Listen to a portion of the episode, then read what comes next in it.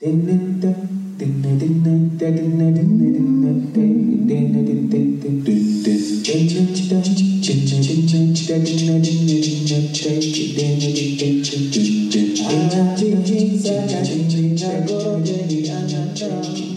bij Project Diaspora. Mijn naam is Richard Kofi en deze aflevering is de eerste in een speciale reeks die we ontwikkelen in samenwerking met expositieruimte Tent in Rotterdam. You need to let wind blow everywhere she needs to go. Don't hold on for dear life. You gotta let it go. We bespreken de maatschappelijke impact van kunst en cultuur, waarin we de meest innovatieve en rebelse schrijvers, kunstenaars, muzikanten, maatschappelijk werkers en docenten van verschillende diaspora-communities aan elkaar koppelen. En vandaar ook de naam Diaspora, wie en diaspora, samengebracht tot één woord.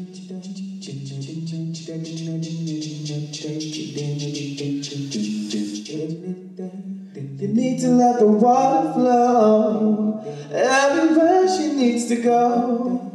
And if you don't catch the wave, dive deep and learn to swim. Maybe you will crash, maybe you'll survive. Maybe it's best to start a new life. Normaal gesproken maak ik deze podcast in samenwerking met Simone Zeefuik, maar dit keer is mijn co-host, of ik ben haar co-host, we zijn elkaars co-host. Anyway, ik werk samen met Guillaume Goedhoop van Tent en van Concrete Blossom. Ze gaat zichzelf zo meteen nog even aan je voorstellen. En we bespreken dit moment waarin we ons nu begeven, de coronacrisis. Niet over de gezondheidszorg, de horeca of de toekomst van de culturele sector, maar juist over mogelijke culturele, artistieke en maatschappelijke veranderingen die ons te wachten staan. Daarvoor gaan we in gesprek vandaag met Malik Mohammed, creatief aanvoerder van de Rotterdamse organisatie Concrete Blossom. En de muziek is van Ocean.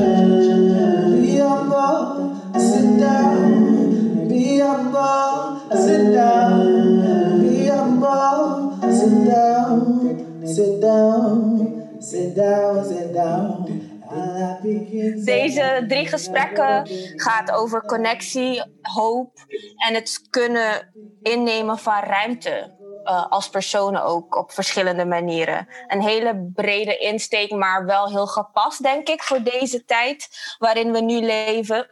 Met de huidige coronacrisis, waar we natuurlijk allemaal over weten. En sommigen meer last hebben ervan dan anderen.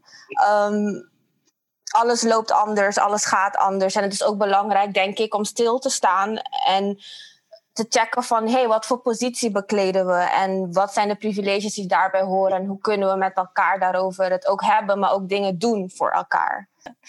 En voordat ik het stokje eerst overgeef aan Richard, wilde ik eigenlijk delen met iedereen van dat na aanloop van deze drie gesprekken ik heel erg ging nadenken over van ja, hoop, connectie, woorden die wel iets voor mij betekenen, maar ook tegelijkertijd ook best wel hollow of leeg kunnen voelen in, in general.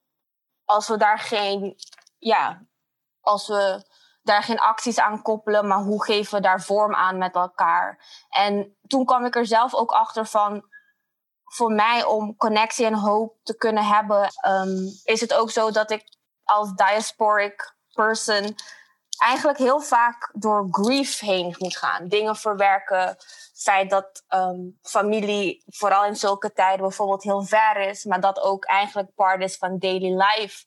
Um, en dat dat eigenlijk als heel normaal wordt gezien, maar ook vormen van grief um, ja, naar boven brengt. En hoe we daarmee kunnen omgaan. Dus voor mij, als ik het even zo insteek van om hoop en connectie te kunnen hebben um, moet ik door dat soort stukken heen in mezelf. En uh, ik ben heel blij en heel dankbaar dat ik vandaag hier met twee, uh, I think two of yeah, my favorite people, zeg maar, uh, zit. En um, die, die, lobby is, uh, die lobby is daar. En die liefde is natuurlijk wederzijds. Guillaume, bescheiden als altijd, is Chief Overview bij Concrete Blossom en programmamaker bij Expositieruimte Tent. In haar programma's verbindt ze zorg, intimiteit, healing met de kunsten. En ze houdt zich uh, veel bezig met Rotterdamse diasporische perspectieven en nieuwe culturele uitingsvormen. Malik Mohammed is aanvoerder van Concrete Blossom en hij staat erom bekend dat hij projecten maakt waarbij hij uh, de culturele dynamiek van grootstedelijke ontmoetingsplaatsen opvoert als de arena's waar het Nederland van de toekomst ontwikkeld wordt. Hun eerste grote wapenfeit was het La Haine Art Festival, geïnspireerd op de Franse film La Haine uit 1995, gemaakt door Mathieu Kassovitch.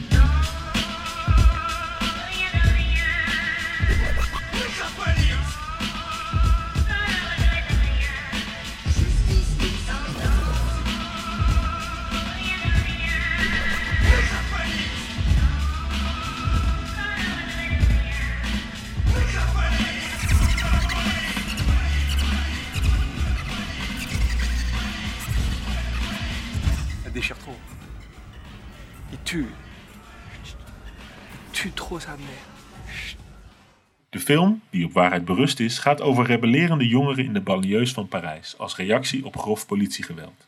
Het La Haine Art Festival was een eerbetoon aan de rebellie, de politiek, de kunst en de cultuur van grote steden wereldwijd en hun working class. Sindsdien toffe events als de hoodie, inderdaad over het kledingstuk, en de nightshop over de culturele kracht van buurtwinkels en de superdiversiteit die ze belichamen. Hoe gaat het met je, Malik? Goed. Ja? Alhamdulillah. Uh, gezond. Uh, gelukkig. Hoe ben je de eerste quarantine weken doorgekomen? In huis. gelukkig heb je die. Toch? Uh, nee, de eerste, eerste weken van quarantine. Kijk, ik ben vlak voor de quarantine was ik in, in Zuidoost-Azië. Was ik in Maleisië en Singapore en ook nog heel even in, in Taiwan. En um, hoe ik terugkwam, was ik best optimistisch. Uh, uh, en had de hoop, uh, misschien ergens ook de verwachting, dat het voorbij zou waaien en dat het met een aantal weken, zeg een maand of twee, voorbij ging. Um, dus de eerste paar weken was, was, was, was feest. Ik had zoiets van: oké, oké, oké. No, no pressure. Niet meer van, van jezelf verwachten dat, dat je moet performen op een bepaalde manier. Dus dat was, was nice. Dus het was uh, euforisch. Maar de weken, weken daarna, toen het allemaal wat, wat, wat duidelijker werd hoe serieus deze situatie is, kwam daar wel een kentering. Maar de eerste paar weken was wel was nice dat is dus ook echt de insteek van dit gesprek. Dat heet Alles Anders vraagteken. Waarbij we eigenlijk willen beginnen met oké, zo alles is aan het veranderen. Um, life as we know it. Misschien is dat heel extreem dat ik dat zeg. Is misschien voorbij. Hoe langer de quarantine ook duurt, hoe meer er moet veranderen ook. Zeg maar, omdat verschillende systemen, onderwijssystemen, maar vooral economische systemen, um, ja, niet omvallen, maar helemaal veranderen. Bijvoorbeeld de prijs van olie is nu min zoveel, las ik laatst. Eh, ja, dat zijn dingen die zo, ja, zo erg aan het veranderen zijn.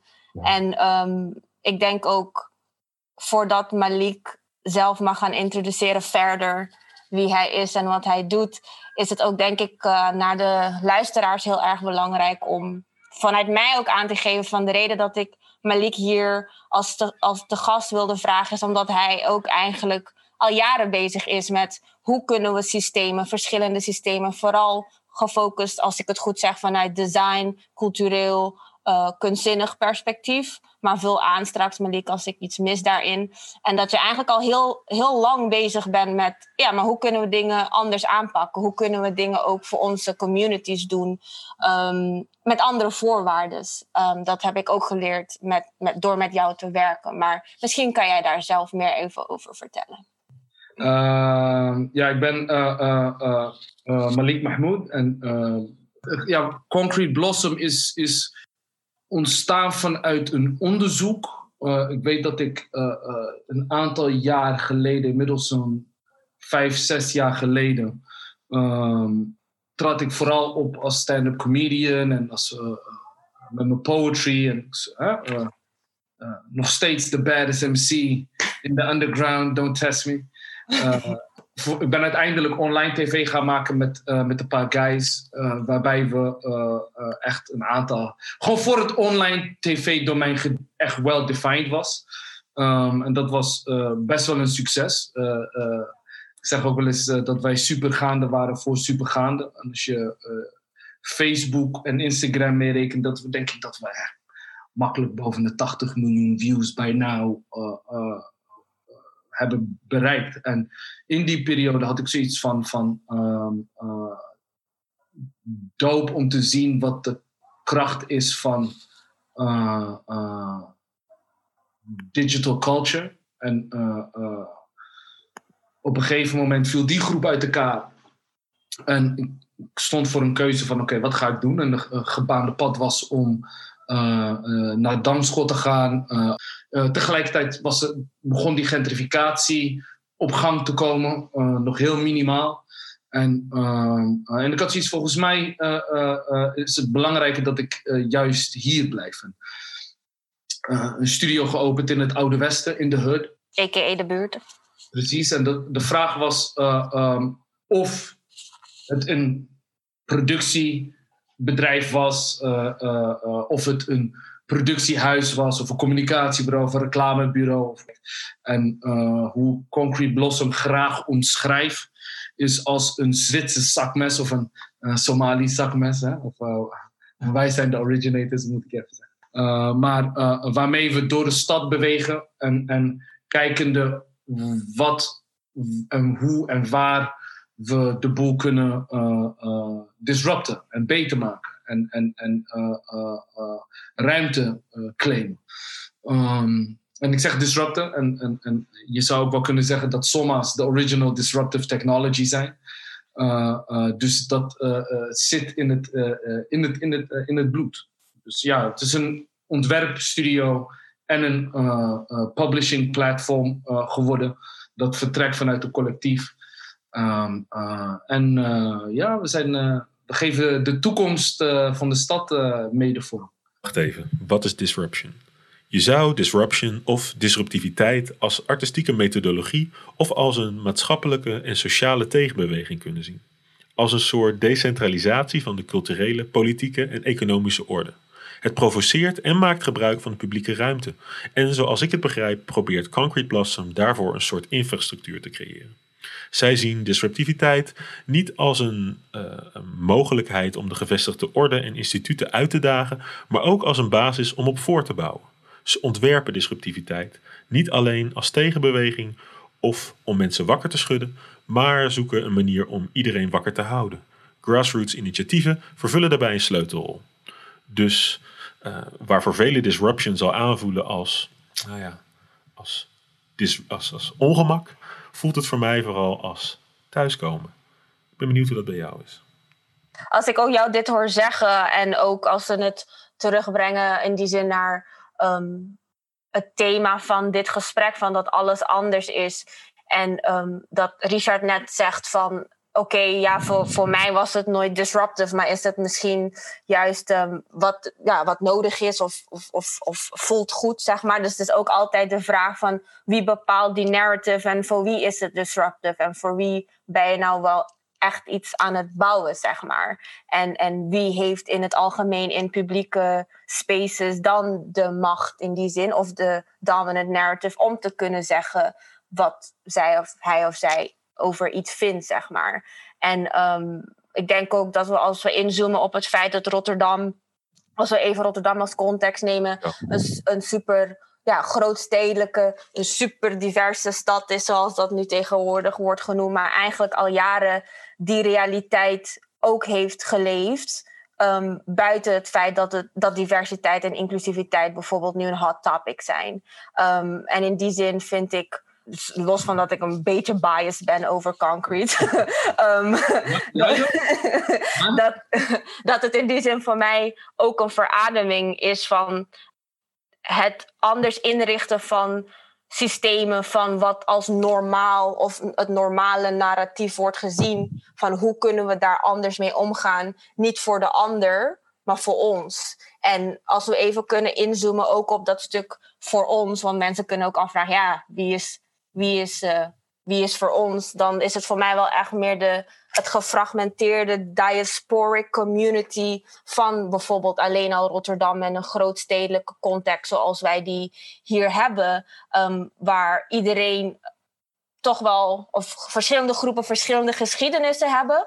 Maar tegelijkertijd we onszelf ook kunnen vinden in het feit dat wij allemaal gefragmenteerd zijn, noem ik dat even. En ehm, een nieuw, nieuwe culturen zijn gaan ontwikkelen, wat ook wel een straattaal bijvoorbeeld wordt genoemd onderdeel van die cultuur dan is. En nieuwe vormen, nieuwe systemen van hoe we met elkaar in deze stad omgaan.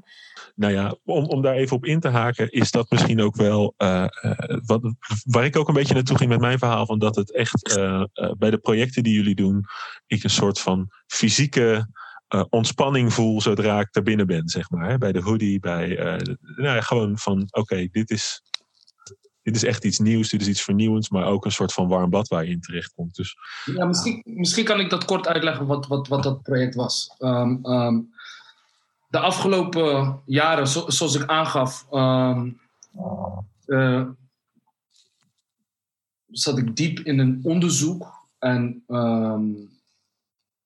terugkerende uh, onderwerpen uh, in, in, in mijn onderzoek is, is, is taal, power relations, power dynamics. En ik merkte dat na, na dat online tv-periode, toen, ik, toen we begonnen met, met, met, met, dit, met de missie, dat was volgens mij ja, Lahen Art Festival. We hadden eendaags festival georganiseerd, maar met daaraan gekoppeld een multimedia storytelling platform, waarin we een maand lang online gingen programmeren.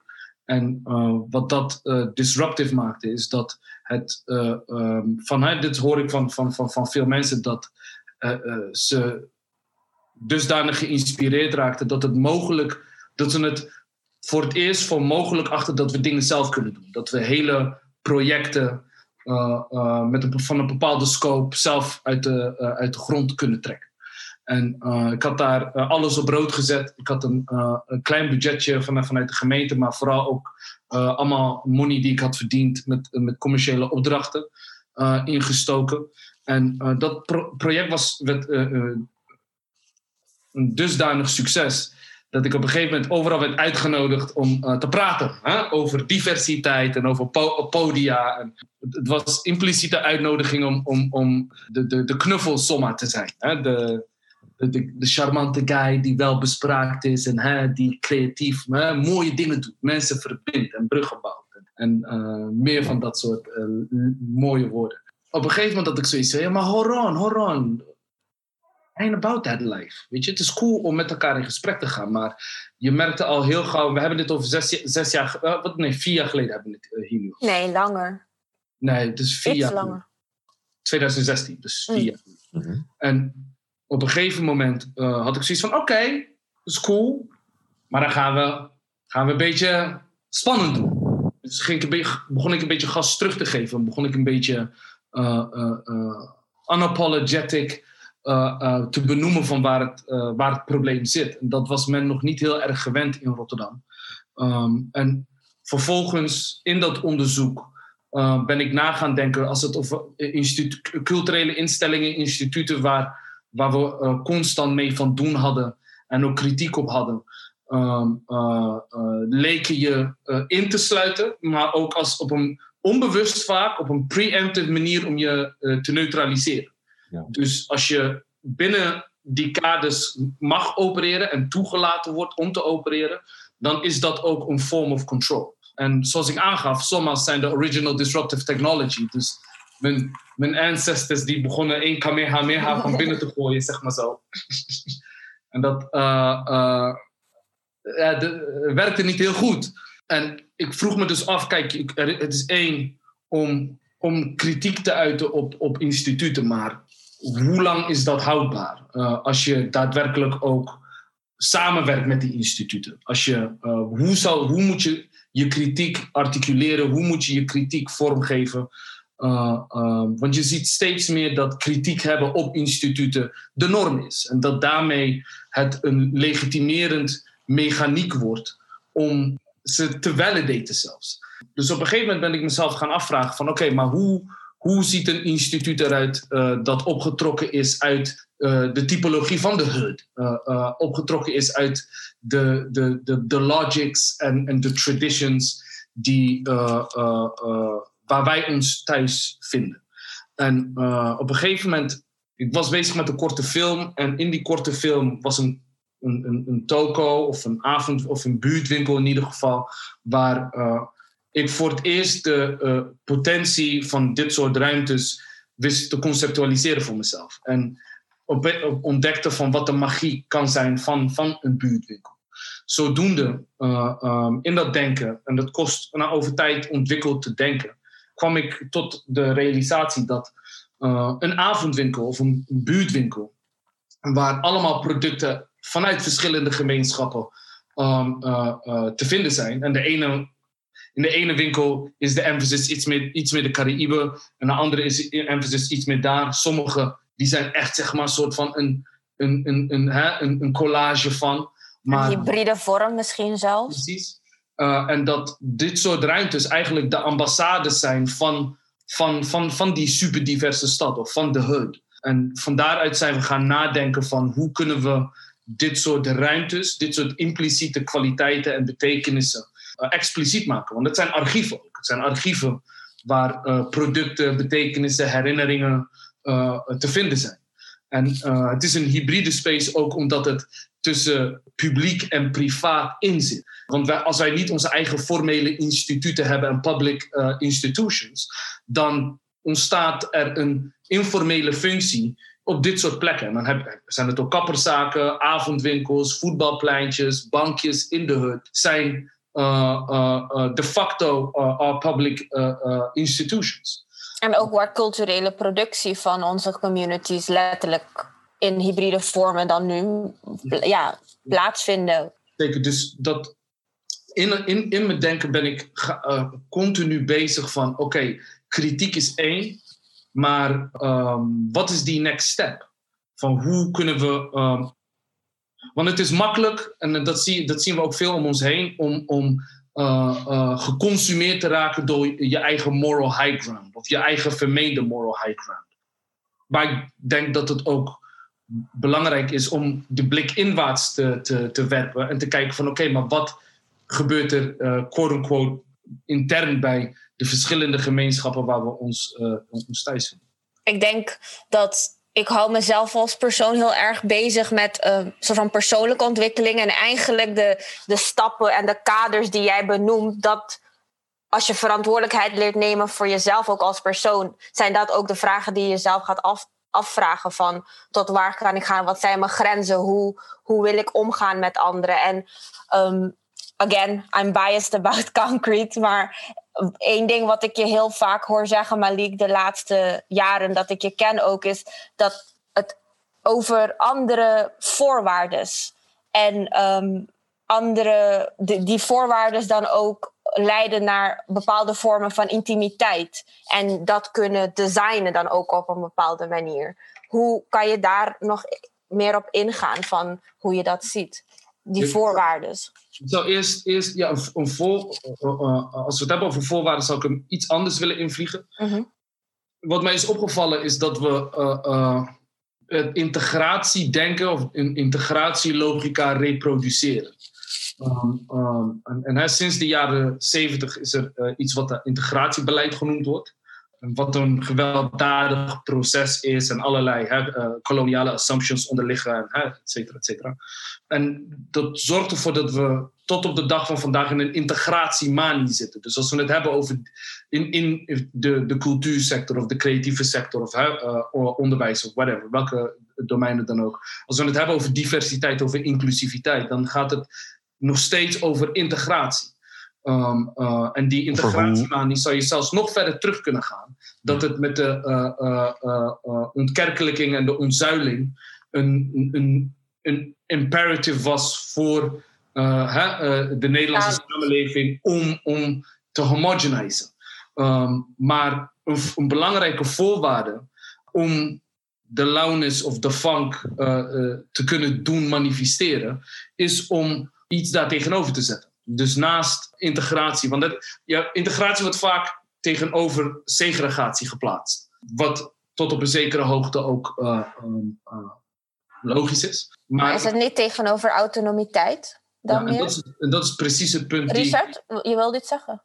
Ja, nou ja, dat wilde ik ook voorstellen. Van, uh, dat, dat, vaak wordt het zo gedraaid alsof dat dan segregatie is. Maar ja, mijn vraag was geweest: kunnen dan niet meerdere systemen naast elkaar bestaan? Zeg maar. Dat is volgens mij waar je nu, ja, dat, waar je nu ook heen wil.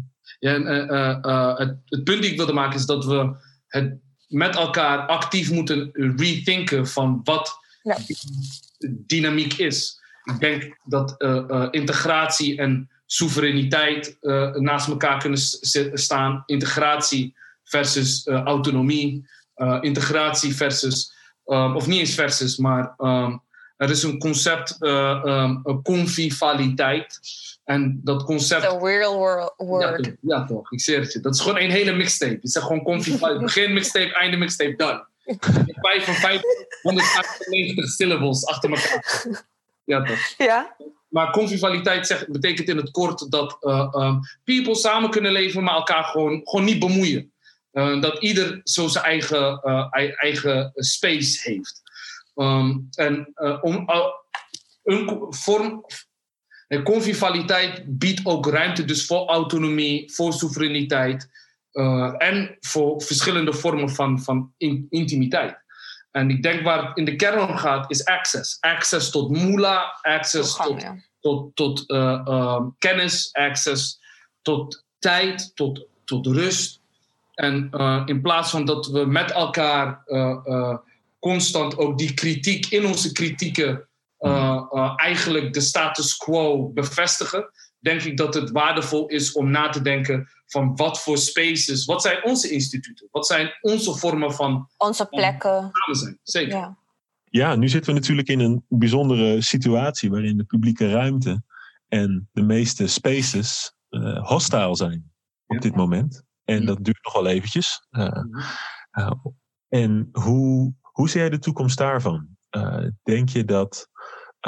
nou ja, je noemde net al een heel netwerk aan allemaal. soort van informele instituten, in, ja, om het maar even zo te noemen, of in ieder geval die naast die, die gevestigde dingen bestaan. Um, ja, hoe, wat is daar nu de, de actualiteit of de toekomst van? Ja, ja, ja, ja, Het is interessant wat je zei dat uh, uh, de, de, publieke ruimte hostile is nu. Dat, men niet, dat het niet vanzelfsprekend meer is om te kunnen gaan en staan waar je wil. En, en, community is bijna strafbaar op dit moment ook. tenminste, je krijgt boetes. absoluut, absoluut. En ik denk dat um, het belangrijk is om stil te staan bij de betekenis daarvan en, en wat, hè, hoe, hoe, wat er verloren gaat. En, maar ik denk ook dat het belangrijk is om het te flippen. Een voorwaarde om het te flippen is wel om erbij stil te staan en te reflecteren en te voelen en daarover te praten. Maar ik zit vaak in de modus van dat ik op een gegeven moment zeg van oké, maar wat is die next step dan? Want die publieke ruimte is al langer hostile voor een hoop peoples community is al langer strafbaar voor een hoop peoples. Weet je, ik weet dat boys hier in de buurt boetes, al lang boetes krijgen. Als ze uh, voor stoeivechten, voor nepvechten. Of als ze in hun eigen portiek staan. Ja, letterlijk. letterlijk. Dus, dus in die zin zijn er al moduses om daarmee om te gaan. Uh, en daar uh, een, een, vorm van weerbaarheid en, en verzet in, in te kunnen vinden. En, en, en ik denk dat de sauce. We hebben het over, vaak over de sauce. De sauce staat op dat soort momenten. Die sauce wordt stikker als, als met elke met elke gezicht van een 5 die, die je aankijkt en, en, waarvan je weet van dit gaat fout. Dan, daar wordt die sauce alleen maar rijker van. De sauce ontstaat ook uit tragiek, uh, uh, uitdagingen. Dus ik denk dat het ook belangrijk is om erbij stil te staan van Yo, maar uh, hoe nieuw is dit? Ik moest denken aan deze. Dat met 9-11 uh, was er... Uh, heel de wereld was in shock natuurlijk. Hè? En als we zeggen heel de wereld, weten we welk deel, welk deel van de wereld de hele wereld is. Want 9-11 is just another day voor voor voor mijn peoples die te maken hebben met drone attacks of wat dan ook. Maar wat interessant is, is dat je um, um, een aantal zwarte denkers in de VS ik, ik, ik parafraseer nu, maar ze zeiden iets in de strekking van: ja, mensen zijn nu in shock. Maar wij leven al in, in, een, in een perpetual shock. Dus het is niet. je bent niet snel van onder de indruk. En je merkt het ook in, hier op, op de Schiedamse weg. Mensen chillen er nog steeds. ik, ik, sprak mijn broer, ik heb ook een broer in Engeland, sprak ik gisteren. En um, ik hoorde al eerder dat de, heel veel mensen overleden zijn in de Somalische gemeenschap. omdat social distancing en dat niet iets is wat, wat als van nature gepracticed wordt. Maar mijn broer vertelde me gisteren, eergisteren was dat volgens mij ook, dat de hood is nog even levendig. En dat is lastig, is problematisch, um, um, maar het vraagt ook om een, een, een, kritische blik van hoe komt het dat mensen de ernst van zaken misschien niet inzien. Of wat voor strategieën zouden we ja, daar juist uit kunnen distilleren. Um, dus ik ben ervan overtuigd dat, dat uh, straatcultuur of hip-hop culture altijd innovatief is. Als we die modus ook weten om te zetten, of niet eens om te zetten, gewoon beide. Dus grief en, en reflectie enerzijds, maar anderzijds ook genoeg mental space op, overlaten als je die, die luxe ook hebt om te denken, maar what's the next step? Ja, ja, ja. Ik, um, nee, sorry, nee, nee, Richard, nee, jouw beurt, jouw beurt. Oké, ik um, in het voorgesprek, ook aan de hand van wat je net zei allemaal, Malik, in het voorgesprek met uh, Richard gisteren, waar we met heel veel plezier ook in die zin naar dit gesprek uh, soort van toewerkte. En dat we het hadden ook over instituten en, en, en um, bepaalde vorm van veerkrachtigheid. Maar toen benoemde Richard eigenlijk iets heel interessants. Namelijk dat we, dat er, niet dat we, maar dat er nu instituten zijn zonder gebouwen. En wat betekent dat dan voor iets als instituten die gevestigd zijn zoals wij die zien? En ja, ja, misschien wil je daarover verder. Of in die andere realms, weet je, de, waar natuurlijk ook geen gebouwen zijn. Voilà, voilà. dat, is, dat is een, uh, uh, een heel concreet voorbeeld van hoe, hoe we perpetually al vooruit uh, op de zaken lopen. Want het is, als er instituten zonder gebouwen zijn um, en het digitale de wereld, wereld op, meer opgezocht moet worden, voor ons is dat al, de, al lang de status quo. Um, de relatie tussen. Uh, ik bedoel alleen als ik het heel concreet afgelopen. Ik vertelde net over een aantal projecten die we hebben gedaan. Dat had allemaal niet gekund zonder het internet. Ja. Zonder de mogelijkheid om direct te kunnen communiceren met, met, met peoples. Ja. Uh, ongefilterd. Uh, dus de, de imperative en de noodzaak om die digitale ruimtes op te zoeken, is iets wat, wat, wat, wat we doorleven. Sterker nog, het staat aan de basis van hoe hip-hop culture is ontstaan. De relatie tussen technologie en, en, en de culture in het, weet je, uh, sounds bouwen van sound systems en het samplen en het gebruiken van NPC's, het heruitvinden van die machines. dat is iets wat, wat, wat aan de basis staat van, van, van hip-hop culture. Dus het is um, het opzoeken van die digitale ruimtes is iets wat wij als geen ander kunnen. maar het is ook besef ik me aansluitend hierop en in het verlengde van als we kijken naar hip-hop cultuur, straatcultuur hier in Rotterdam. Het is ook imperative van uh, migratiecultuur. Ik bedoel, ik ben een migration child. Mijn ouders wonen niet hier. Digitale cultuur is hoe ik mezelf emotioneel ook staande hou um, in het algemeen voor corona nu tijdens corona en ook na corona, zeg maar. Omdat eigenlijk, dat... uh, eigenlijk zeg je dat je heel veel intimiteit al virtueel beleeft, als het ware. Ik, ben, ik word gepusht om, als ik die intimiteit wil opzoeken, is, dat een, is de digitale wereld mijn uitkomst geweest de afgelopen negen jaar. En daarvoor um, dan de analoge digitale cultuur door een telefoon te pakken en mijn ooms te spreken die in Suriname of Amerika of ergens anders in de wereld wonen. Dat ik sommigen nooit heb gezien in real life, maar wel op die manier heb leren kennen. Mijn memories zijn via een scherm geweest, zijn via MSN geweest, zijn via Skype geweest zijn nog steeds. Ik maak screenshots met mijn moeder iedere keer als ik haar spreek. Malik kent ze, hoe heet het? Um, dat ik dat documenteer.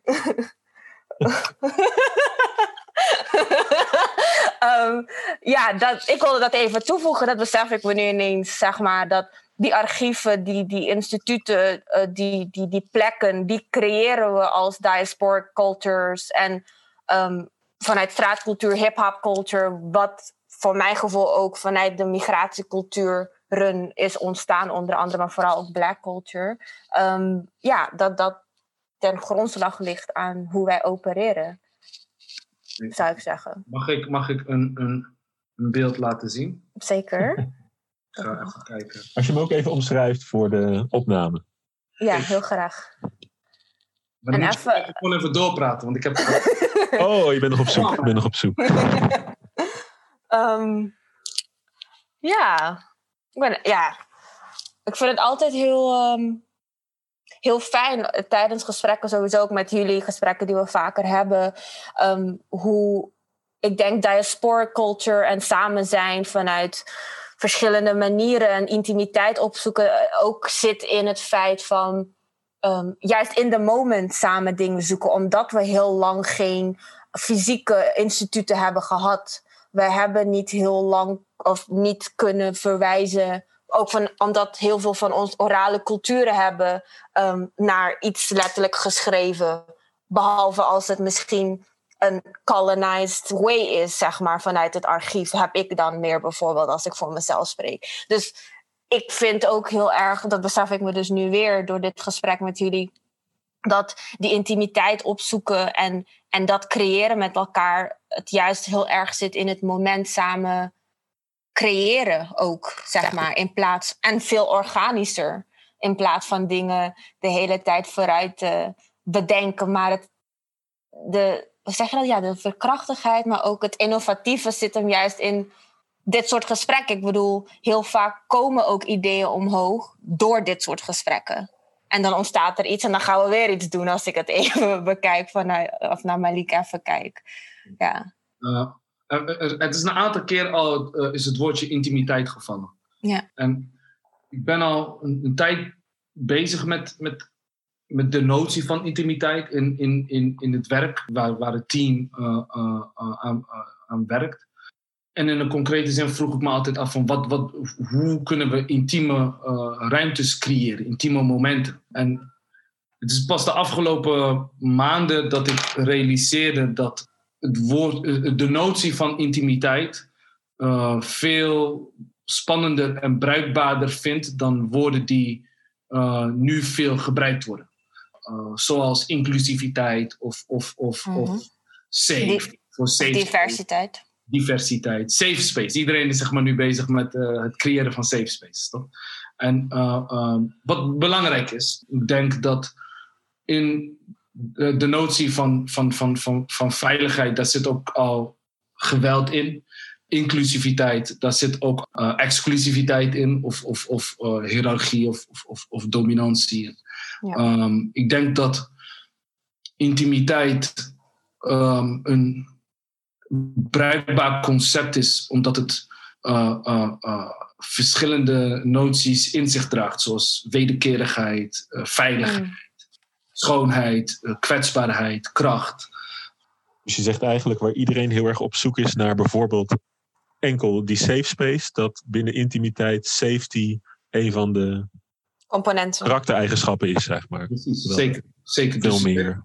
Sterk, thanks voor, voor die samenvatting. En vanuit de notie van, van, van die notie van intimiteit ehm, vraag ik me ook af van hoe zou eh, eh, eh, een intimate design eruit zien of intimate architecture. Hoe zouden ruimtes op een intieme manier kunnen ontstaan, wo- tot wording komen. En ik denk dat als ik even naar dit beeld kan gaan. Is, is het dit beeld te zien? Die ik nu. Ja, voor mij Ja. wel. Misschien eh, kan, kan eh, eh, Undercover Guillaume, a.k.a. nou, even, even tijd geven om dit beeld centraal te stellen. Dit is eh, een eh, eh, ehm, eh, uit het onderzoek van de afgelopen jaren, waarbij ik fo- foto's maakte van, van, van toko's, avondwinkels, de buurt, et cetera, et cetera. Eh, deze ruimtes waar we het over hebben. En wat we hier zien is een foto van een koelkast met allemaal verschillende soorten bieren. En het is Ramadan, dus a'ud billahi min shaitan. Maar Beautiful. dus de, deze koelkast met allerlei soorten bieren is, eh, laat in één beeld het futuristische karakter van, van, van, van, van de avondwinkel zien. Laat de potentie van de avondwinkel als ambassade zien. Dus je ziet hier een aantal traditionele Nederlandse, Hollandse bieren, zoals Amstel, Grols, het is 8,6, dat is volgens mij ook Grols, volgens mij. Gulpener. Gulpener, hè, dat is Belgische shit. Oh ja. en dan heb je hiernaast een andere traditionele nee, Nederland. ja, toch. bier.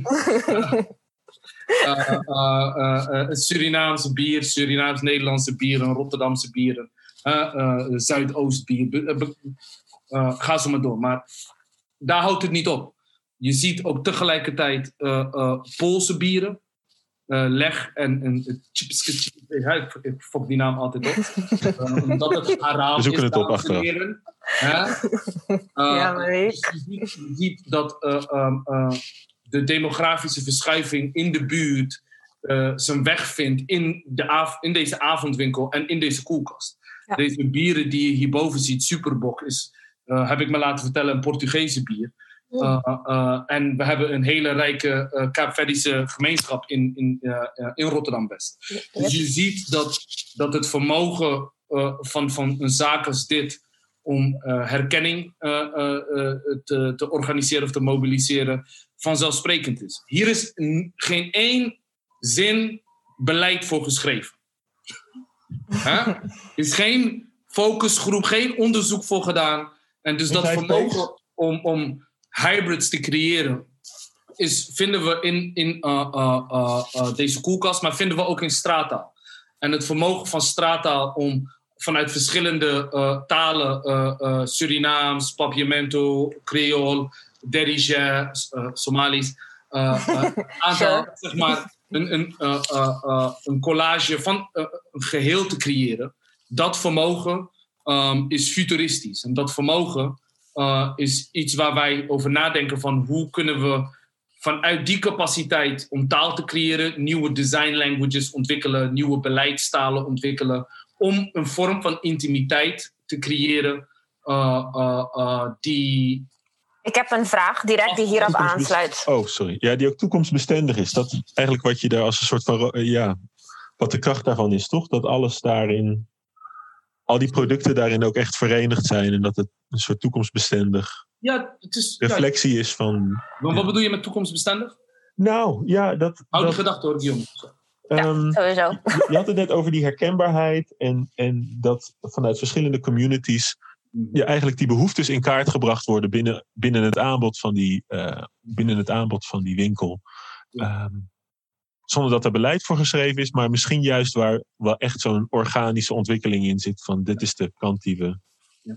opgaan, zeg maar. Veel meer dan dingen die je echt organiseert of projectjes. Of, en dat, dat wat georganiseerd en uh, uh, uh, gecreëerd wordt, dat, de reproduceert Ja. als Precies, ja. die dominantie. ja, ja, Dus ja. ik denk dat Precies. het um, um, uh, juist vanuit die informaliteit vertrekken. Ja. um, uh, en die, dat, die informaliteit niet per se formaliseren, maar meer zichtbaar maken en vertrekken. Expliciteren.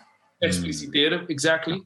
Um, uh, ontstaat er, ontst- uh, voed je de verbeelding. Kijk, wat de afgelopen jaren wat we aan het doen zijn geweest, een hoop mensen snappen het niet. Zelfs peoples in het team, die hebben zoiets van, yo, dude, maar wat zijn we nou eigenlijk aan het doen? Weet je? En, en dat is, dat is oké, vind ik. Uh, maar een hoop mensen die hebben iets no- concreets nodig, iets wat tastbaar is, om uh, uh, ja, zich aan vast te kunnen houden. En ik denk dat wat wij de afgelopen jaren aan het doen zijn geweest en ook de komende jaren zichtbaar gaan maken, um, een hoop handvaten gaat creëren. En dat je on- ontwerpbureaus gaat zien die iets vergelijkbaars doen. Want het gaat niet over social justice alleen, het gaat over economy. Het gaat om moolah. Als je kijkt naar hoe de samenleving georganiseerd wordt, daar zit hella money in. Maar zo- zolang wij tevreden zijn met uh, een bijdrage leveren als een spoken word artiest, of om daar hè, als, als die kritische denker kritiek te, te uiten, dan kunnen we, zullen we niet die stap kunnen zetten om daadwerkelijk die Ja. economies in de buurt um, te, te toekomstbestendig te maken. Ja. Want als je kijkt naar hoe de economische en culturele productie in de HUD eruit ziet, je had uh, en hebt uh, uh, veel, veel um, kleinhandel. Um, maar die kleinhandel verdwijnt. om verschillende redenen. internet, gentrificatie, opwaartse sociale mobiliteit. Hè? maar het is ook aan ons om na te denken van oké, maar hoe ziet die, een, een lineage eruit? een continuering in die lineage van economische en culturele productie. Als een avondwinkel. niet meer bestaat in de huidige vorm. Of, of een, een shisha-lounge. Want er is beleid, wordt, is er geschreven om die dingen uit het straatbeeld te krijgen. Ja.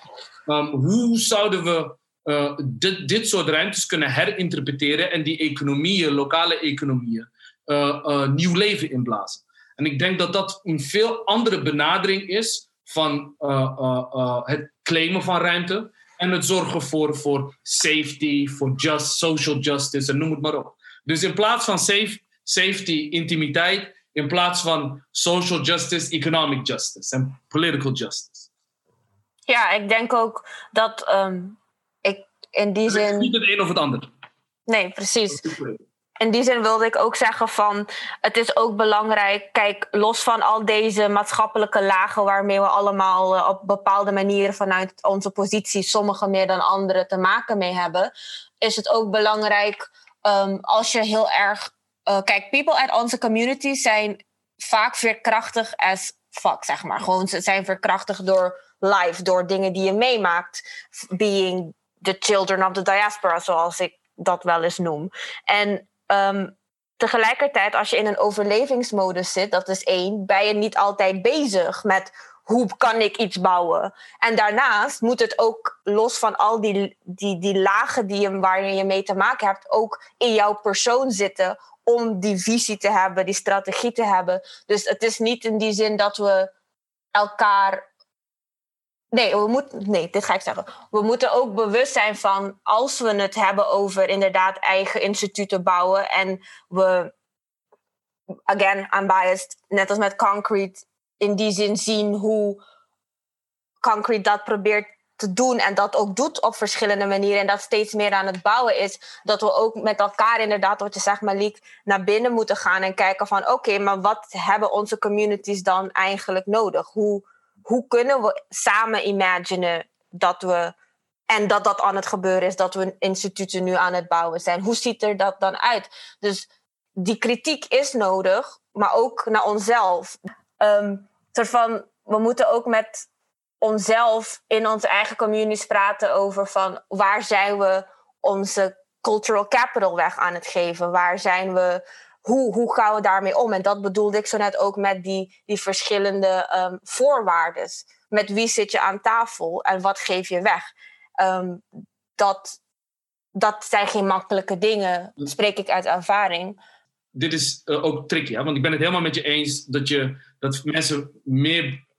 dat het heel realistisch is dat mensen meer bezig zijn met overleven dan uh, uh, uh, aan die next step te denken. En dat dat, dus dat gezegd hebbende, is het ook gevaarlijk om um, dat soort language te blijven gebruiken en je in, onbewust jezelf daarmee pacified. Want het is, um, als je kijkt naar het leveren van, van, van, van, van kritiek is het makkelijk om kritiek te uiten naar uh, uh, de instituten of noem het maar op. Maar wat is onze bijdrage om die instituten relevant te maken? Hoe bewegen wij? En ik denk ook dat we ook flink soul searching moeten doen om ook onze ego's in check te houden. Ja. Want het is vaker dat mensen bezig zijn met hun, hun positie en, en politiek aan het bedrijven zijn, dan daadwerkelijk vernieuwing aan het mogelijk maken zijn. En dit is ook allemaal onderdeel, this is part of the, the game. Want wat zie je, dat zodra, um, dit is zeg maar wat ik hoop, maar ook verwacht, dat de komende jaren hetgeen wat wij aan, onderzocht hebben en zichtbaar aan het maken zijn, dat dat ook handvaten creëert, zodat mensen dat kunnen kopiëren. Um, uh, men kopieert elkaar. Dat is ook culture.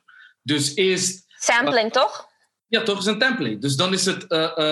Uh, iedereen, alles is spoken word nu, toch al een paar jaar. En nu is het ook, alles is kritisch. Alles is, weet je, panelgesprek. Alles is zeg maar van. En in plaats dat mensen ruimte maken om uh, echte vernieuwing en de mensen die who already been doing this een, een, plaats te geven, gaan, gaan we elkaar beconcurreren. En, om, en dat is ook allemaal een onderdeel van die realiteit. Maar het is belangrijk om het erover te hebben. Want we, kunnen, we komen niet verder als we alles bedekken met de mantel der liefde en de mantel der safe spaces. En de mantel der not being triggered. Right? En dat is dus het naar binnen gaan en beseffen van welke posities uh, bekleed ik, hoe kijk ik hiernaar, waar maak ik ruimte, wat ben ik nou eigenlijk aan het doen. En wat jij zei, hoe, waar geven we onze cultural capital weg? Ja, en die vind ik zelf uh, heel tricky. Maar, checks and balances. Waar zijn checks and balances?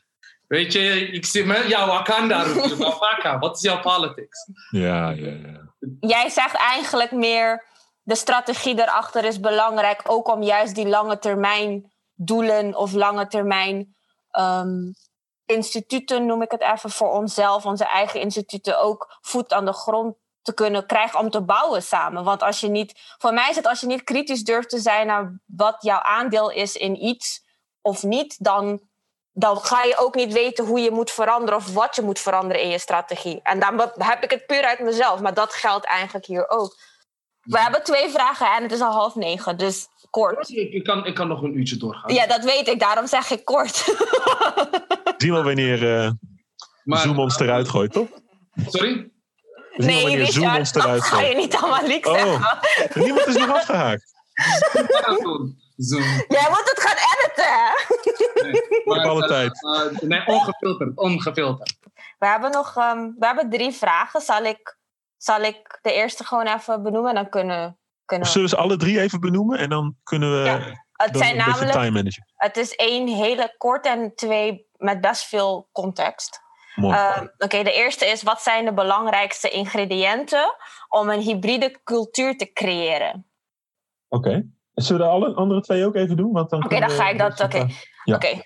Yes, uh, ja, meneer co-host. Um, intimiteit wordt vaak vereenzelvigd met één op één. Waarschijnlijk vanuit een bepaalde individualistische benadering. Terwijl het idee van intimate design of intimate disruption misschien juist in deze tijd nog meer de noodzaak blootlegt voor communal love. Dat lijkt me een enorme uitdaging. Enig idee hoe dat vorm zou kunnen krijgen? Dat is de tweede vraag.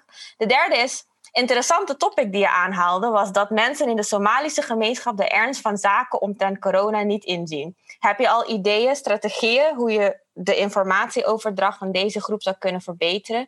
Ik merk in mijn eigen vakgebied, vakgebied vaak dat gezinnen met een niet-westerse culturele achtergrond pas vaak, sorry, achtergrond vaak pas een beroep op hulpverlening doen als het water tot aan de lippen komt. Is dit verminderd regie over eigen welbevinden of speelt een verminderde hartsbinding met Nederland een rol? Dus best wel drie uh, intense vragen. Maar zullen we met de. Wie zijn die vragen? Is het misschien tof om even de namen uh, te geven aan wie die vraag heeft gesteld? Um, ik krijg ze via um, hybride Gionne, a.k.a. door. Dus uh, ik, uh, ik uh, weet niet wie ze heeft gesteld. Maar um, de eerste is, dus wat zijn de belangrijkste ingrediënten om een hybride cultuur te creëren? En die is van Whitney Martial. Okay. Oh, Whitney. Whitney! Hey, Whitney! De enige echte. My homegirl. Ja, een, een, een, hele droge Brabantse antwoord op de vraag van Whitney zou zijn Whitney. Malik, houd op met me. Oké. Uh, ingrediënten voor een, hybride cultuur. Ik denk dat we dat ook heel goed kunnen re uh, reverse engineeren. Um, als je kijkt wat de ingrediënten voor een hybride cultuur is. Maar ik denk dat playfulness een belangrijke voorwaarde is. Um, wat je ziet is dat through play een hoop kan ontstaan, uh, omdat dat play, als het goed is, ook een vorm van intimiteit is. Uh, ja. Dat daar wederkerigheid in zit, collaboration zit daarin. En dus ik denk dat een, een mode of thinking voor uh, hybridization playful, playfulness is. Ik denk dat creativiteit dezelfde vraag, hetzelfde, dus als, het is hetzelfde als je zou vragen van hoe ontstaat sauce? Ja, if you know, you know. Dat is zeg maar een soort van wat is. Ik wilde dus. Nou, ook- ik, oh ja. Nee, ja? Sorry. Nou, ik denk dat ook een belangrijke voorwaarde, tenminste, als ik, als ik af, afgaande, op het, afgaande op de dingen die tot nu toe genoemd zijn, is dat eh, toegang tot ruimte ook wel een hele belangrijke is. Zij het virtueel, zij Ja. het eh, fysiek. Zeker. Eh, zonder, zonder ruimte om je te manifesteren, let, ja, letterlijk, eh, is het moeilijk om je vrij te voelen en is het moeilijk om te creëren. volgens mij. Sterk. Maar is het ook niet zo dat hybrid cultures. Kijk, ik bekijk alles vanuit mijn, eigenlijk ook mijn historische lens. Hybride culturen zijn ook ontstaan uit zelfs ja, noodzaak eigenlijk, omdat je met elkaar bent. Net als in deze stad, we zijn met elkaar in Rotterdam, in grootstedelijke culturen, we zijn met elkaar. We moeten met elkaar op een bepaalde manier leven. En daar ontstaat er ook iets nieuws uit, wat mooi kan zijn. Ehm, en ook Is er, mooi is, er misschien, is er ook misschien een bepaald. Kan conflict er ook aan bijdragen? Zeker, ik, ik- ik- sterk. Want ik zat net te denken van, je ziet het, de demografische verloop in, in die grootstedelijke omgeving. Uh, er is ook street politics. Straattaal was oorspronkelijk overwegend Surinaams. En ook heel veel Jiddisch. In Rotterdam kwam steeds meer ook Creool vanuit de Kaapverdische gemeenschap. En Papiamento. eh, eh, ehm, en op een gegeven moment werd Derija, Marokkaans-Arabisch, steeds zichtbaarder en dominanter. Omdat je, en dat valt te wijden aan een demografische shift.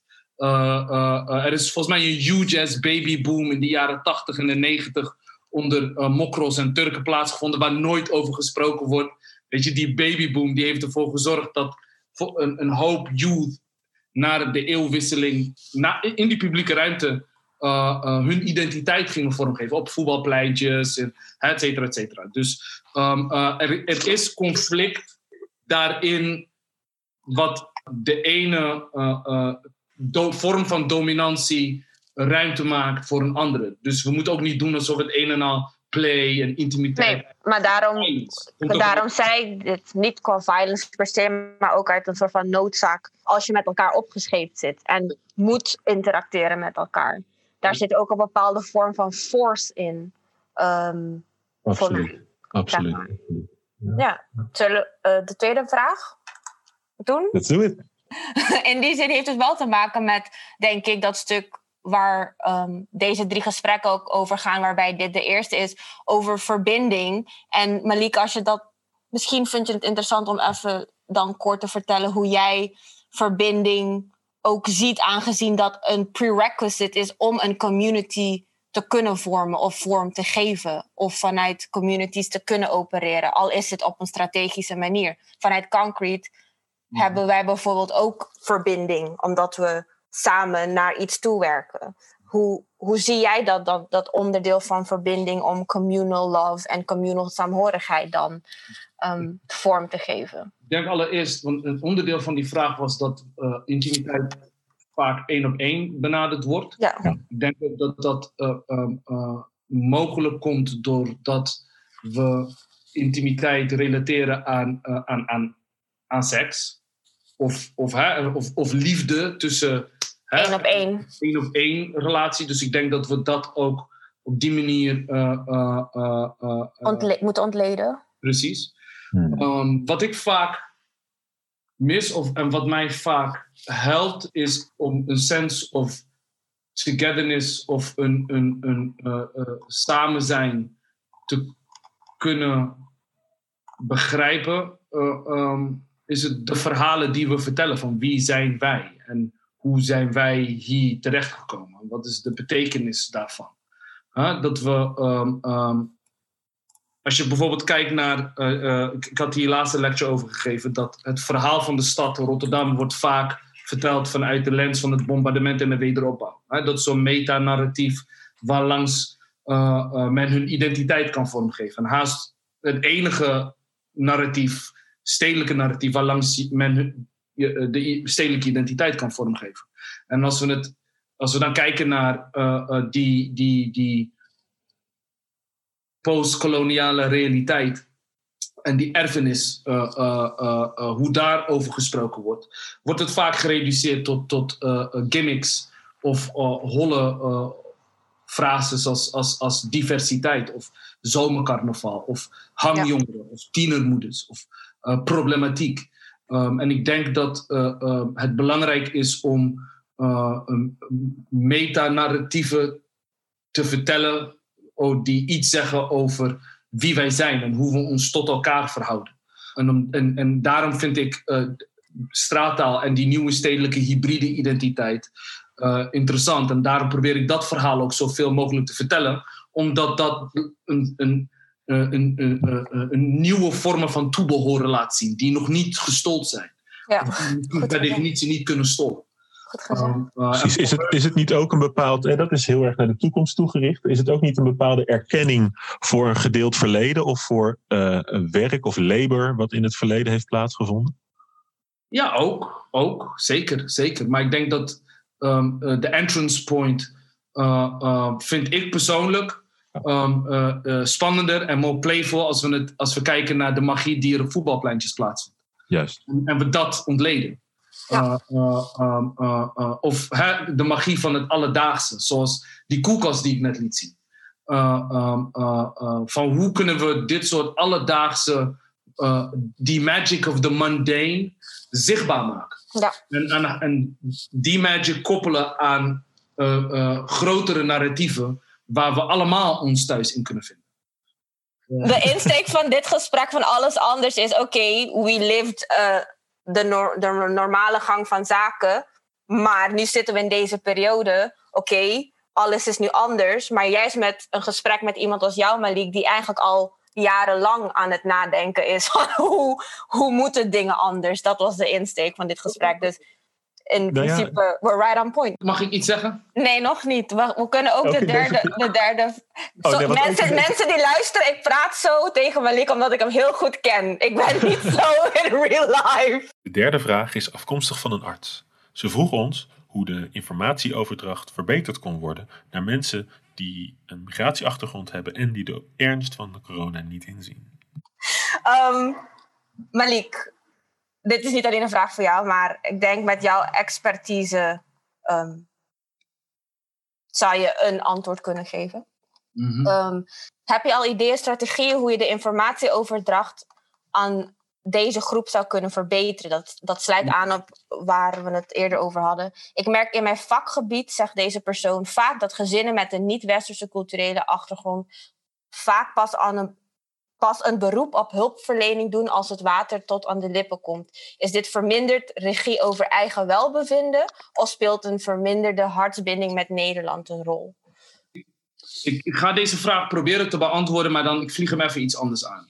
Ja. Uh, de kern wat ik uit deze vraag haal is uh, hoe komt het dat uh, bepaalde gemeenschappen of onze gemeenschappen niet, niet naar de, de dokter gaan of geen hulp zoeken en zoeken als het te laat is. Ik denk dat dat een hele complexe vraag is, maar het ook uh, uh, uh, voor een groot deel neerkomt omdat we weten dat we niet altijd serieus genomen worden. Of dat, dat onze pijn niet real is aan de ene kant. Of aan de andere kant dat we van onszelf niet mogen erkennen dat we fucked up zijn. Um, dus, dus wederom, het is niet alleen het systemische, maar het is ook um, het interne? I went through depression in a motherfucker. Self-medication galore. Ik rookte 100 euro skunk in de week. Het was gewoon crazy. Zeg maar van... van uh, en ik ben niet één keer naar een... een uh, uh, ik ben één keer naar een psycholoog gaan, omdat ik hoorde dat je een jaar extra studiefinanciering krijgt als je ADHD hebt. Ik had letterlijk maar geen huisarts. En op een gegeven moment dacht ik, nou, nu moet ik een huisarts vinden. Huisarts stuurt me naar een psycholoog. En ik en ik dacht van, uh, dit is niet het verhaal wat ik wilde vertellen, maar even een, een Kort dus, en krachtig, Emily? Oh, het gaat niet lukken. Dus Jawel, je kan het. Ik geloof in jou. Dus die uh, uh, psycholoog, ik ben naar die psycholoog gaan en ik zei gewoon op een gegeven moment van, ja luister, ik hoor ik kan extra money krijgen als het zo en zo is. En ik denk dat ik daar... En op een, op een gegeven moment zei ze, nou ze herkenden het en bla bla bla bla. Maar wat gebeurde er? Ze, ze bood me aan uh, om medicatie. Ik zeg nee, hoeft niet, et cetera, et cetera. En op een gegeven moment, na zes keer aandringen, veranderde zij van een psycholoog in een drugsdealer. Ze wilden gewoon drugs op mij pushen. Dus die, eh, eh, ja, of, of, of, Ja. er was een plug en had zoiets van deze Nee. daar kan hij extra money mee verdienen, dus laten we hem gunnen. Eén van de twee. Maar, hè, dus oké, ik denk dat ehm, ehm, een van de dingen hoe wij eh, eh, ehm, een antwoord, ja, het is niet iets, antwoorden formuleren is, is, is, is, is, is praktisch onmogelijk. Maar als je kijkt naar de cijfers rondom mental health en eh, jongens, eh, eh, black and brown boys, komen we zes tot negen keer zo vaak voor in de cijfers rondom geestesziekten. Zes tot negen keer. Dus, waardoor het komt, is, is- la- laten we even tezijde.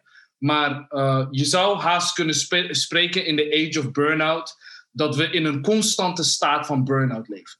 Ja. Ehm, ehm, en ik vroeg me dus af, ehm, ik was eh, eh, eh, oké, heel beknopt. Zouden we, als we kunnen spreken van een constante staat van burn-out, een shisha-lounge, waar boys al komen en praten over van alles en nog wat, kunnen reimaginen als een space of healing?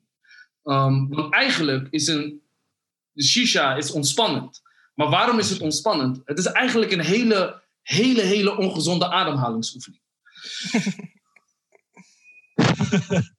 Dat is eigenlijk wat het is. Ja. Dus hoe zouden we dit soort spaces en dit soort languages, visual languages, dit soort typologieën kunnen in gebruiken om het gesprek over die uitdagingen waar we rondom geestesziekte en mental health mee te maken hebben, kunnen adresseren. Het zal me dood lijken, en dit is waar we ook hopelijk naartoe gaan werken om de komende jaren. Ik ken een aantal mensen die in de psychiatrie werken, die ook, eh, ook van kleur, ook Somaliërs, die eh, eh, ook moeite hebben om binnen die gevestigde structuren vernieuwing te creëren, of in ieder geval sane te blijven, weet je, paradoxaal genoeg. Dus hoe kunnen we buiten die rigide structuren met elkaar verschillende kennis, eh, eh, eh, eh, modes, of knowledge bij elkaar brengen en eh, eh, andere vormen van genezing eh, onderzoeken? En, En en niet per se eh, eh, volgepompt worden met, eh, eh, met, met medicatie. ik wilde ook Medicatie is belangrijk in momenten dat het nodig is. Dus laat me dat. Ik ga niet zeggen: drink olijfolie elke maandag en you good. Maar Ik je roept wilde nog- eigenlijk... Oh. Ja, nee? Nee, je roept Ja. eigenlijk op om dat soort wat meer informele plekken van community en zorg, om daar eh, bewuster mee om te gaan eigenlijk. In die... Het kapitaal wat we Ja. hebben. En ik wil precies. zoekend en ontwerpend naar kijken. Juist, Ook- juist, juist. ook toevoegen daaraan dat in onze dias- diaspora communities, migratieculturen, hip-hop culture, resiliency um, heel erg eh, aan de basis staat. Maar resiliency heeft er ook voor gezorgd dat we in een burn-out state terecht zijn gekomen, vind ik. Dat, dat we steeds door kunnen gaan ook. Dat we heel veel dingen aan kunnen, maar de voice of our bodies bijvoorbeeld niet meer horen of nooit hebben geleerd om rust te nemen of te ademen. Niet met een shisha bijvoorbeeld, of, op een, of niet via sigaretten, of niet via eh, skunks of whatever. Ehm, ik heb ja, jarenlang niet weten adem te halen. Ik had hyperventilatie aanvallen, maar ik ging door, ik ging door, ik ging door. Ik kwam naar Nederland om te wonen. Ik ging door, ik ging door, ik ging door. Totdat ik vorig jaar ook ja, dat punt bereikte. En dat wilde ik eigenlijk ook toevoegen, dat de resiliency waar we van gemaakt zijn en op bouwen ook, om te, eh, ja, te zijn wie we zijn gewoon, dat dat er ook voor zorgt ja, dat we ook anders daarna nu moeten gaan kijken. En Ja, zullen we... in een situatie waarbij de wereld. eh, eh, we kunnen spreken van een mondiale burn-out. En dat is het toffe Ja. wat eh, ehm, eh, eh, Marina Otero in haar heel veel mee bezig is geweest. Ehm, als we in een, in een situatie leven van mondiale burn-out, dan denk ik dat, eh, ehm, eh, eh, zo vind ik, ik vind dat ik een advantage positie heb. Ja. Ik een, een bestaan heb weten op te bouwen en eh, heb weten te leven en de sauce verder heb kunnen laten marineren in een staat van burn-out. Ja, dus als we, het, als we kijken naar een veranderende wereld ehm, eh, in een post-corona tijdperk, ik denk dat eh, eh, eh, ehm, ja, er al een hoop kennis aanwezig is binnen onze communities. Dus laten we vooral daarop focussen. Exactly. En, en, en, en als, als deze quarantaine eh, eh, nog een aantal maanden gaat voortduren, dan gaan een hoop kleine ondernemingen in de buurt Ja. mogelijk kapot. A, het ondersteunen van die ondernemingen allereerst, maar B, op, als, als ondernemingen stuk gaan en er ruimte ontstaat, is het belangrijk om juist voor te borduren op het kapitaal wat aanwezig is. Want doen wij dat niet, dan gaan andere mensen die Ja. wel in staat zijn om eh, eh, eh, gebieden te ontwikkelen, die ruimtes ontwikkelen. Dus die in de vacuüm die gaat ontstaan na de quarantaine, afhankelijk van hoe lang en hoe severe de economische crisis gaat zijn, gaat er letterlijk en figuurlijk ruimte ontstaan. De Ja. vraag is, are you ready? Ja, ja, ja. Are you ready? Ik wel. Althans, ik rust eerst nog eventjes uit. But I'm getting ready. Eh, fijn dat die laatste prikkelende vraag eh, deze antwoorden losmaakte. Ehm, er zijn een aantal mooie dingen ter sprake gekomen hier. Enerzijds werd de scheppende kracht van de buurt duidelijk gearticuleerd. Het belang van een kritische evaluatie van de cultuur van de buurt. Denk daarbij vooral aan de, eh, ja, het behoud van de duurzaamheid en autonomiteit van initiatieven die er plaatsvinden. Maar wat ik ook heel interessant vind, is de gemeenschappelijke burn-out, zoals Malik die noemde. Ehm, dat sloot volgens mij heel erg goed aan bij de laatste vraag. Ehm, de redenen waarom in buurten in Nederland anders gereageerd wordt op deze crisis dan daarbuiten. Het heeft denk ik veel te maken met deze burn-out. Die constante burn-out zou je ook een, een soort constante state of crisis kunnen noemen. Ehm, in de buurt ja, spreken we de vloeiende taal van crisis. Zeker met een diasporic achtergrond. Gender, ras en klasse, allemaal factoren die de eigenschappen van de crisis bepalen. Er zijn al problemen in de gezondheidszorg in de buurt. Er wordt al bezuinigd op initiatieven, werk, inkomen en uitkeringen in de buurt. En er vallen al slachtoffers. De publieke ruimte is al hostaal en community wordt al heel vaak als bedreigend ervaren. En daarbij zijn er ook nog uitdagingen als het aankomt op mental health. Vanuit deze realiteit zijn mensen constant manieren aan het ontwikkelen om om te gaan met problemen, tegenslagen en crisissen. Voor veel mensen lijken daarom de mechanieken van crisissen inwisselbaar. Maar ja, in het geval van corona zijn ze dat even niet. Het is interessant om te horen hoe Malik bepaalde zorgtaken koppelt aan plekken als shisha-lounges en kapperszaken. Hoe die eigenlijk probeert beter de zorgkwaliteiten van dat soort plekken te accentueren. Het is daarom ook heel belangrijk om even stil te staan bij de factor klasse in alles. Ehm, de, de verschillende privileges die dat met zich meebrengt als het aankomt op toegang tot spaces. En het is denk ik goed om daarbij voor nu even uit te gaan van mijn eigen ervaringen. Eh, Je bereikt via school, vervolgopleidingen en werk een bepaalde, ja, bepaalde mijlpalen in je carrière, waarmee je op relatief jonge leeftijd toegang verschaft tot de middelklas, tot middelklas things. Ehm, en hoe dichter, hoe, hoe dicht je ook bij jezelf staat en hoe kritisch je ook bent en hoe disruptive je aanwezigheid ook is, je bouwt een andere relatie op met informatiebronnen, bedrijven, autoriteiten en in zekere zin ook met witheid. Ehm, dat is klimmen op de kapitalistische ladder. Eh, dit zit diep geworteld in de Nederlandse cultuur. En dat is ook de reden waarom in de 20ste, begin 20e eeuw musea zoals het gemeentemuseum, het Tropenmuseum en andere kennisinstituten zijn geopend. Om de arbeidersklasse op te voeden en hen te leren ja, welke voorbeelden zij moeten volgen om ooit ja, middenklasse te kunnen worden. Tja, inderdaad erg betuttelend. Nu, in begin 21ste eeuw, krijgen steeds meer eh, ja, leden van onze diasporic fam toegang tot de middenklasse of hoger.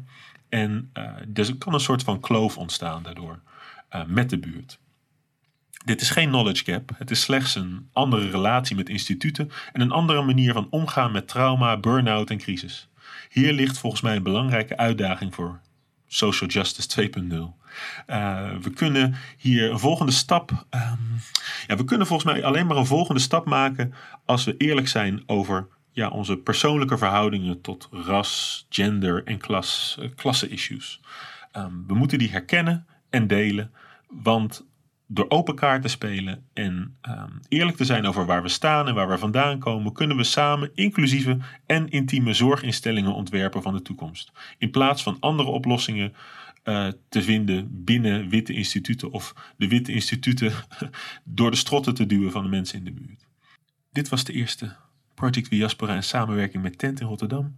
Namens Gionne en ik en Simone natuurlijk bedanken we jullie voor het luisteren.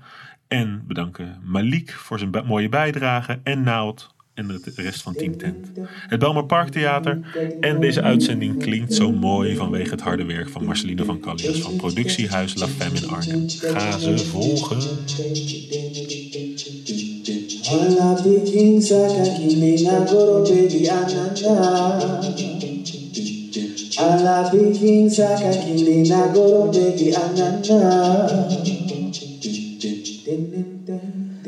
Need to let the wind blow everywhere she needs to go.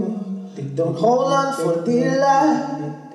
You gotta let it go. Maybe you will crash, maybe you will fly. Maybe it's best to not go outside. Don't mess with Mother Nature, she will be a teacher. I love the kings, I the I go, baby, I I love the kings, I got the I go, baby, I I love the kings, I got the I go, baby, I I love the kings, I got the I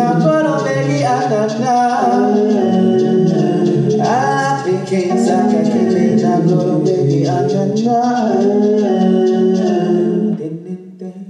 You need to let the water flow. Everywhere she needs to go. And if you don't catch the wave, dive deep and learn to swim. Maybe you will crash, maybe you'll survive. Maybe it's best to start a new life. I said, don't mess with Mother Nature, she will be a teacher. I love big things like I can I'm gonna baby, I'm not I love